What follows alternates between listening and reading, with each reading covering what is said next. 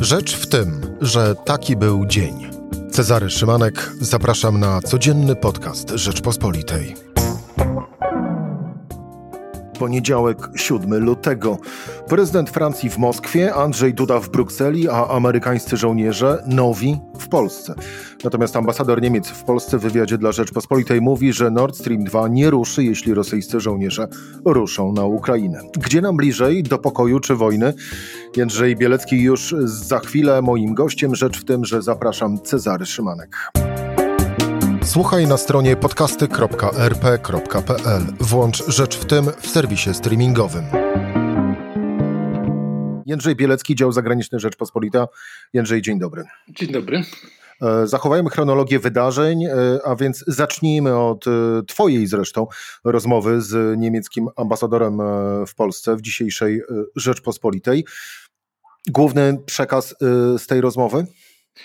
No, główny przekaz dotyczy ewolucji stanowiska Niemiec w sprawie Nord Stream 2. Przypominam, że jeszcze w grudniu, kiedy kanclerz Scholz był w Warszawie, to mówił jasno, że to jest projekt czysto biznesowy, że w momencie, kiedy proces jego certyfikacji się zakończy, no to po prostu gaz popłynie tym, y, to, tą nową rurą. Y, natomiast teraz y, ambasador Niemiec mówi rzecz zupełnie inną, mówi, że owszem, to jest projekt polityczny i że w momencie, kiedy Rosjanie zdecydują się na inwazję Ukrainy, no to on sobie nie wyobraża, aby ten gaz popłynął. Więc to jest pewna ewolucja, chociaż oczywiście nie jest to jeszcze to, na co Polska by, co, co do końca Polskę by cieszyło, no bo ambasador na pytanie, czy to oznacza, że ostatecznie w takim przypadku takiej inwazji projekt byłby martwy, czy, to, y, czy tak to wyglądało, on powiedział, nie, to jest inna kwestia, y, wtedy trzeba poczekać na rozwój wypadku, więc y, jest to ewolucja stanowiska, natomiast nie jest to jeszcze identyczna pozycja, co pozycja Polski. Jędrzej, a z czego wynika owa ewolucja, jak sam nazywasz tą lekką zmianę zdania, jeżeli chodzi o Nord Stream 2? Znaczy jest to znacząca zmiana, tak? To nie jest jak gdyby taka bardzo lekka zmiana, no ale nie, nie jeszcze do końca to, co byśmy chcieli. No, y, ambasador tego wprost nie powie, natomiast wiadomo, że była ogromna presja Stanów Zjednoczonych na Niemcy, żeby y, zrobiły coś takiego. Y, dwa, że no jednak sytuacja jest niezwykle poważna w Europie, ryzyko wojny jest bardzo duże, no i w tym przypadku po prostu taki projekt nie był możliwy do utrzymania. No, zresztą inne kraje europejskie, zachodniej Europy y, poszły znacznie dalej. Przypomnę, że prezydent Macron wysłał kilkuset żołnierzy y, do Rumunii, że podobnie postępuje Boris Johnson. Y, wszyscy się trzymają jednolitego stanowiska NATO, bardzo twardego wobec Rosji, więc no, Niemcy pozostają w tyle. Natomiast no, nie mogą zupełnie abstrahować od tej, tej dynamiki wydarzeń międzynarodowych czy do, tego, mm, do tej zmiany stanowiska Niemiec, ale również w połączeniu z owym naciskiem e, Stanów e, Zjednoczonych, przynajmniej no, nieformalnie cały czas o tym oczywiście e, mówimy, bo nikt tego oficjalnie nam nie powie, ale czy do tego woreczka możemy też dorzucić jakby kolejny powód dla Amerykanów, aby właśnie naciskać to, że właśnie w weekend ogłoszono, że Gerhard Schroeder najprawdopodobniej znajdzie kolejną fuchę u Rosjan, a mianowicie wejdzie w skład dyrektorów dyrektorów Gazpromu. E, Anders Anslund, e, z którym zresztą miałeś również przyjemność rozmawiać, e, podzielił się na Twitterze taką konstatacją, że w sumie wystarczyłoby może, aby nałożyć sankcje na Gerarda Schrödera, a kto wie, czy nie uniknęlibyśmy widma konfliktu zbrojnego. Znaczy dzisiaj, dzisiaj kanclerz Scholz jest przyjmowany przez Joe Bidena w Białym Domu i oczywiście głównym tematem jest to, aby Niemcy jasno powiedziały, jak sobie wyobrażają reżim sankcji. To jest największa gospodarka w Europie i kluczowy kraj, żeby zbudować taki jednolity front Zachodu w razie inwazji. Ja sądzę, że Schroeder już od dawna jest na tyle spaloną politycznie postacią, że to są już tylko symbole. Ta nominacja oczywiście jest taką częścią gry propagandowej ze strony Kremla. Co prawda Scholz był bliskim współpracownikiem Schroedera, wpływy jego były dosyć duże w SPD, natomiast no w tej chwili myślę, że, że, że jednak wybił się, że tak powiem, na dużą niezależność wobec dawnego kanclerza.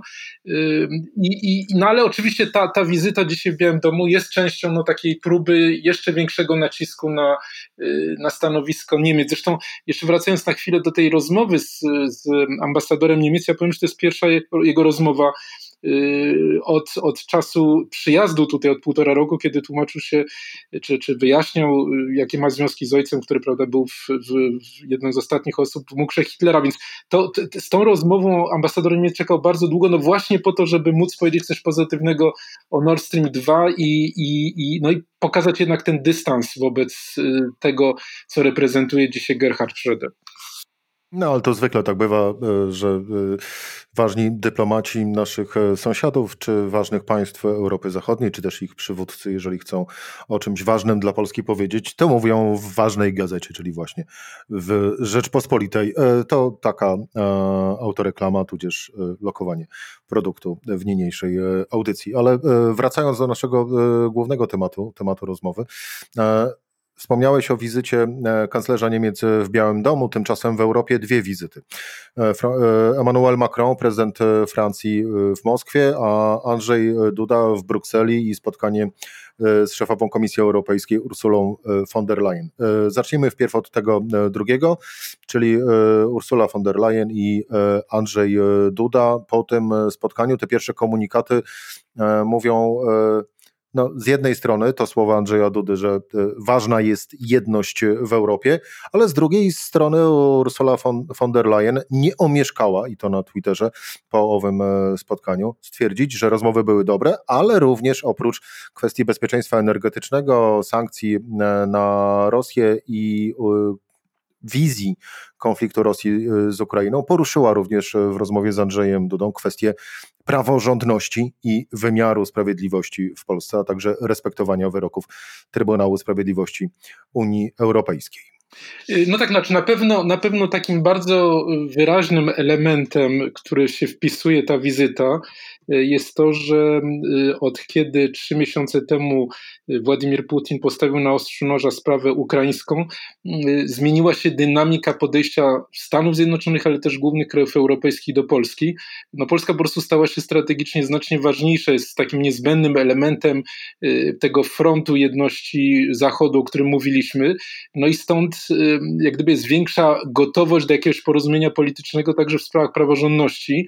Oczywiście to idzie w obie strony, no bo wydaje się, że, że prezydent Duda mm, y, w jakiś sposób kanałami dyplomatycznymi uzyskał też sygnał y, od Amerykanów, od zachodnich partnerów, że dobrze, może być y, znowu partnerem, może wrócić na salony. Po raz pierwszy od 11 lat będziemy mieli jutro szczyt Trójkąta Weimarskiego, no ale jednak pod warunkiem, że wykaże się przynajmniej jakąś dobrą wolą w kwestii praworządności, wolności mediów, demokracji. No pierwszym takim elementem oczywiście było zawetowanie Lex TVN, teraz mamy drugą inicjatywę w sprawie Izby Dyscyplinarnej, y, więc taki jest, taki jest, taki jest tło tego, chociaż oczywiście kwestia nie jest rozwiązana i ponieważ Unia Europejska też jest, y, czy przede wszystkim jest organizacją prawa, więc procedury, które zostały rozpoczęte, y, będą trwały. Trybunał Sprawiedliwości Unii Europejskiej wkrótce wypowie się na temat zgodności y, mechanizmu warunkowości z prawem europejskim. Prawdopodobnie, czy nawet niemal na pewno uzna, że taki mechanizm jest zgodny, no i wtedy Komisja Europejska stanie przed dylematem, czy wystąpić i prawdopodobnie to zrobi o wstrzymanie wypłaty środków dla Polski, jeśli ta sprawa praworządności nie będzie rozwiązana. Związana, więc y, tutaj jakby mamy te dwie logiki, które często nie są łatwe do zrozumienia przez polityków, że Unia Europejska jest organem politycznym, jest organizacją polityczną, ale też jest strukturą prawa i tutaj stąd te napięcia, no ale sama wizyta y, jest częścią właśnie tego procesu, y, który zresztą, procesu wzrostu wagi strategicznej Polski, który zresztą jest procesem niewolnym od ryzyka, dlatego że Trzeba pamiętać, jak to wyglądało w czasie zimnej wojny, kiedy właśnie takie znaczenie bardzo duże w konfrontacji ze Związkiem Radzieckim miała Turcja, miała Grecja, dwa kraje, które y, no, miały, miały reżimy autorytarne, y, rządy pułkowników w Grecji, y, dyktatura wojskowa w Turcji, no mimo to pozostały bliskimi partnerami Stanów Zjednoczonych, no bo po prostu ryzyko, zagrożenie ze, ze strony Związku Radzieckiego było zbyt poważne, aby się ich pozbyć, aby Amerykanie ich od, od, od, odsunęli od gry. I, i, I jest pewne ryzyko, że podobnie mogłoby to się stać również w przypadku Polski. To znaczy, jeżeli by rzeczywiście doszło do inwazji długotrwałej wojny na Ukrainie, to znaczenie Polski mogło być na tyle duże, że ta presja na, na, na, na przywrócenie rządów prawa w Polsce by zmalała, no i to byłoby coś no, nie, niekorzystnego, rzecz jasna, dla przyszłości naszego kraju.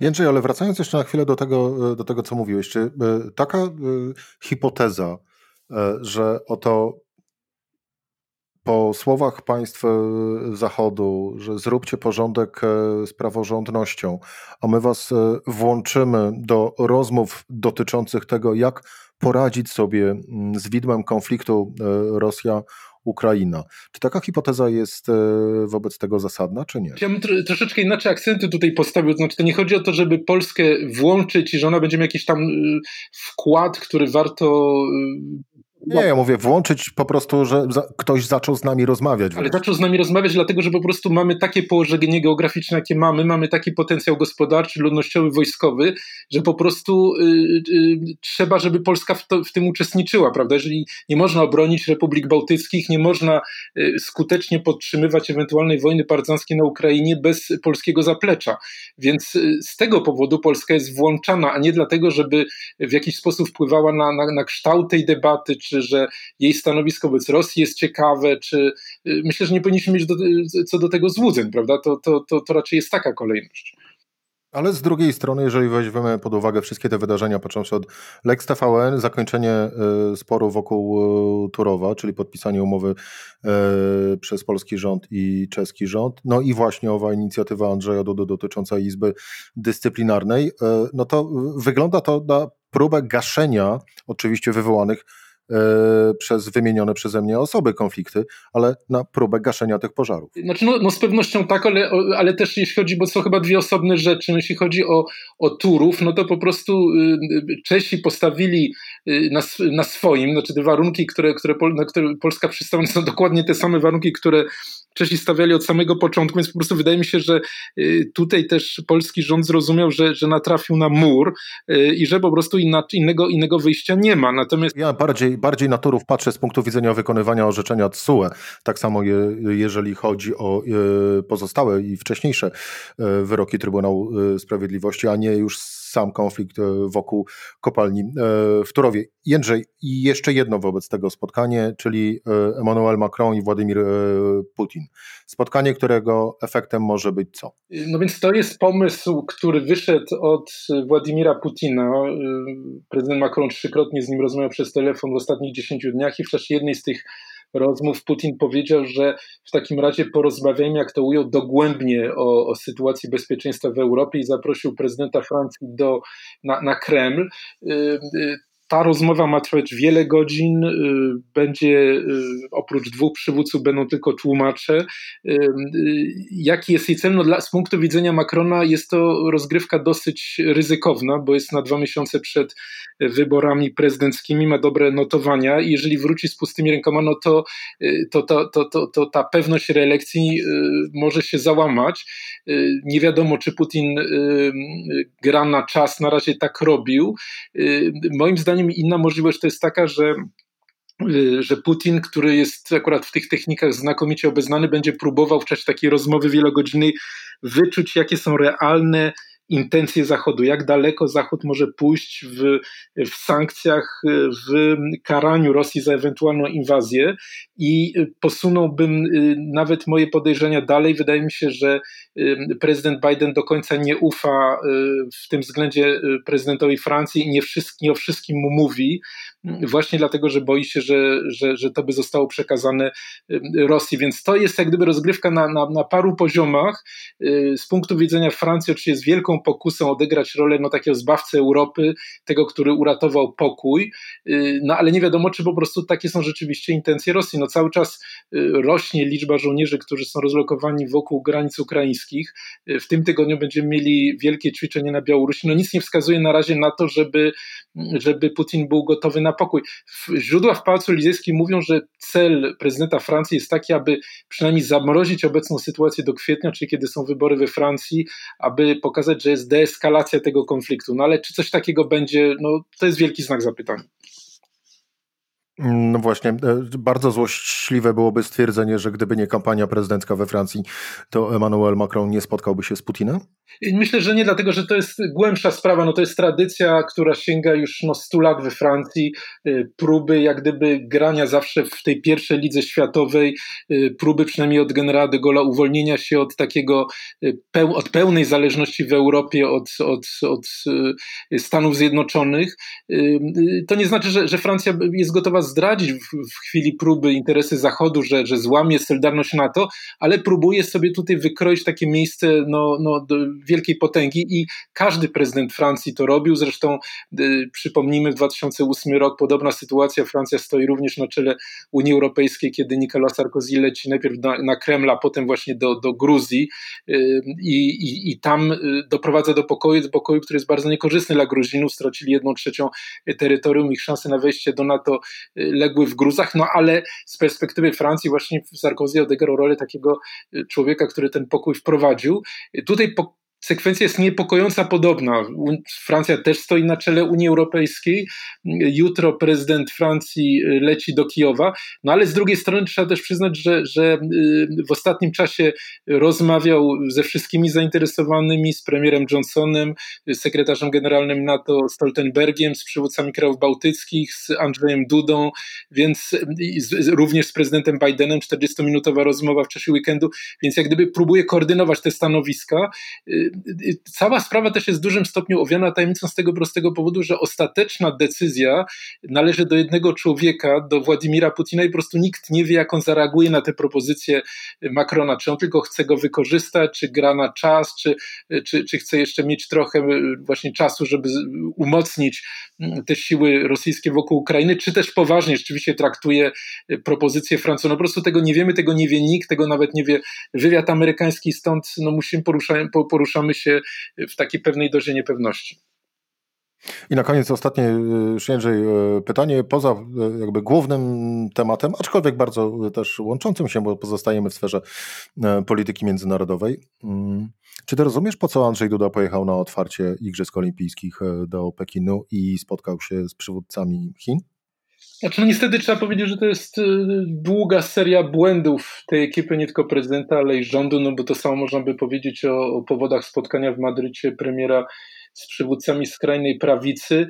Y, tutaj prezydent wystąpił w towarzystwie y, dyktatorów, można powiedzieć, z całego świata, ani jeden demokratycznie wybrany przywódca kraju Unii Europejskiej tam się nie pojawił. No, słyszeliśmy od z Pałacu Prezydenckiego, że chodziło o to, żeby e, przedstawić inny punkt widzenia w rozmowie z e, prezydentem Chin Xi. No to jest ogromna doza naiwności. No chyba nikt się nie, nie kto, kto jakoś tam patrzy realnie na politykę zagraniczną, nie spodziewa się, że to polski prezydent zmieni podejście Chin do, do tego konfliktu i przekona je, żeby stanęły po stronie Ukrainy.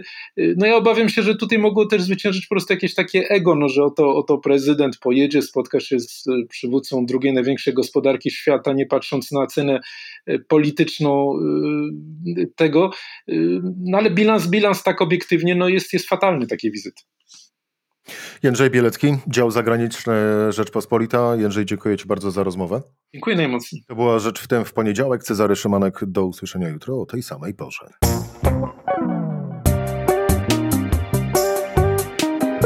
Rzecz w tym to codzienny program Rzeczpospolitej. Od poniedziałku do czwartku o godzinie 17. Słuchaj na stronie podcasty.rp.pl. Włącz Rzecz w tym w serwisie streamingowym.